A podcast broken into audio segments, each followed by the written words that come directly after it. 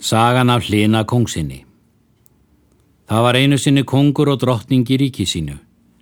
Hann hétt ringur en ekki er getið um nafn drottningar. Þau áttu eitt són sem hlin er nefndur. Hann var snemma efnilegur og þótti hinn mest í kappi. Sagan segir að Karl og Kerling voru í garsvorni. Þau áttu eina dóttur er Signi hétt. Eitt sinn fór kongsón og dýraveðar með hyrðmönnum föður síns. Þegar þeir höfðu veitt nokkur dýr og fuggla og ætluðu heim aftur, sló yfir svo dimri þóku að þeir mistu sjónar á kongsinni. Leituðu þeir hans þá lengi en fundu ekki og snýru við það heimlegis.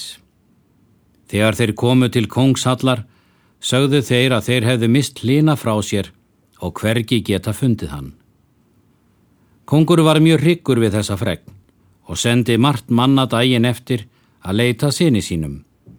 Þeir leituðu allan dag til kvölds en fundu ekki og fór svo í þrjá daga samfleitt sem leitað var að hlini fannst ekki. Við þetta var kongur svo sjúkur að hann lagðist veikur. Hann let á fregn út ganga að sá sem fyndi són sinn skildi eignast hálft ríkið. Signi Karlsdóttir fréttir þetta. Hún byður foreldra sínum nestu og nýja skó og heldur síðan af stað að leita kongsónar. En það er að ferðum hennar að segja að undir kvöld kemur hún að helli einum, hún gengur inn í hann og sér þar tvær rekkjur. Var silfur ofin ábreyða yfir annari en gull ofin yfir hinni. Litast hún þar betur um og sér að kongsón liggur í þeirri rekkjunni sem gull opna ábreyðan var yfir. Vill hún vekja hann en getur ekki. Hún tekur þó eftir því að einhverja rúnir voru rítar á rekkjuna sem hún skilur ekki. Eftir það gengur hún fram að hellistyrum og felur sig bak við hurðina. En þegar hún er komin þangað, heyrir hún litlu síðar úti dönur miklar og sér að tvær skessur stórskornar mjög komin í hellin. Segir þó önnu þeirra, fuss og fei, manna þefur í helli okkar. En hinn segir að það sé af honum hlýna kongsinni.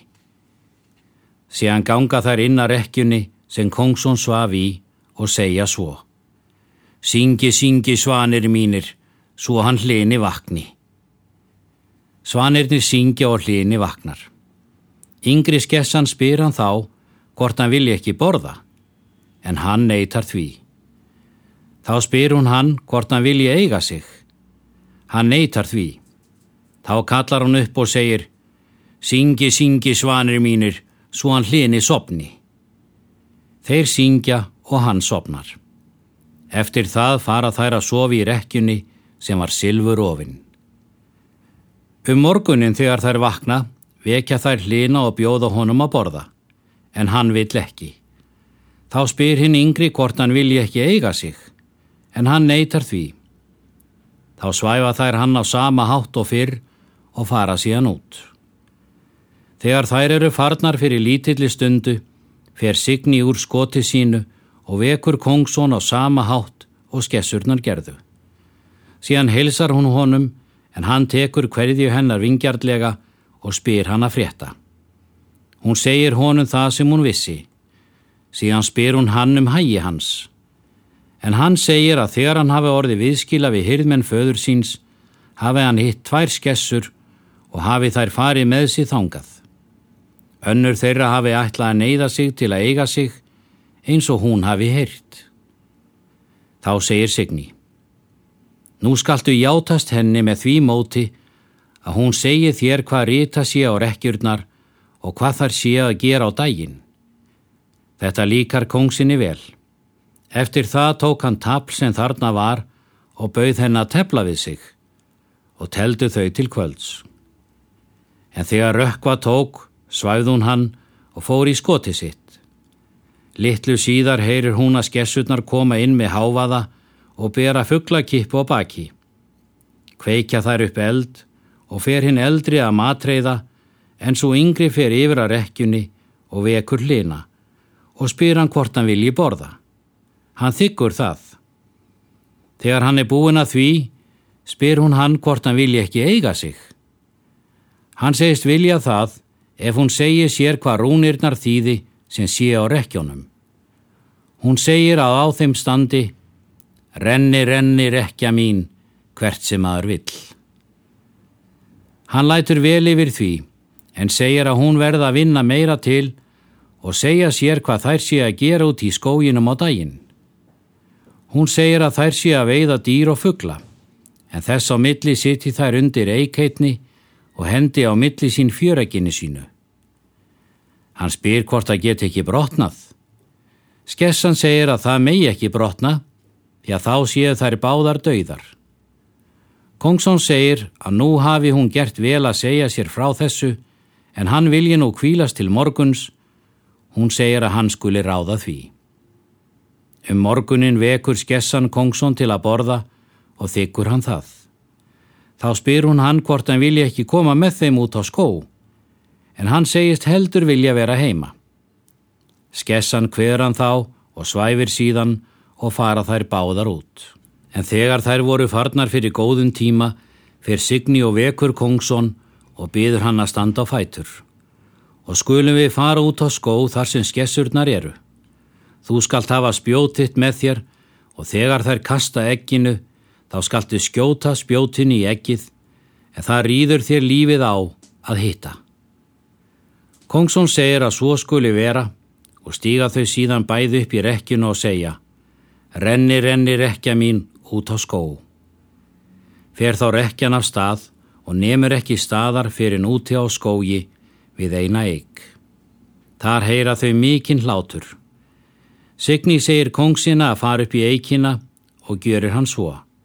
Sér hann þá báðarskessurnar og heldur önnur þeirra á gulleggi og hendir því en í sama byli kastar Kongsson spjótinu og kemur það í ekkið svo það brotnar. Skessonum brá svo við að þær öldu úta með fróðufalli. Fer þá Kongsson ofan úr eikinni og fara þau tilbaka heim í hellin og taka þar allt sem fjemætt var og hlaða rekkjurnar og fara síðan heim í garðsort með öll þessi auðafi. Karl og Kjerling fagna þeim vel. Konungsson er þar um nóttina. En snemma næsta morgun fer Signi heim í Kongsríki, gengur fyrir konung og hveður hann.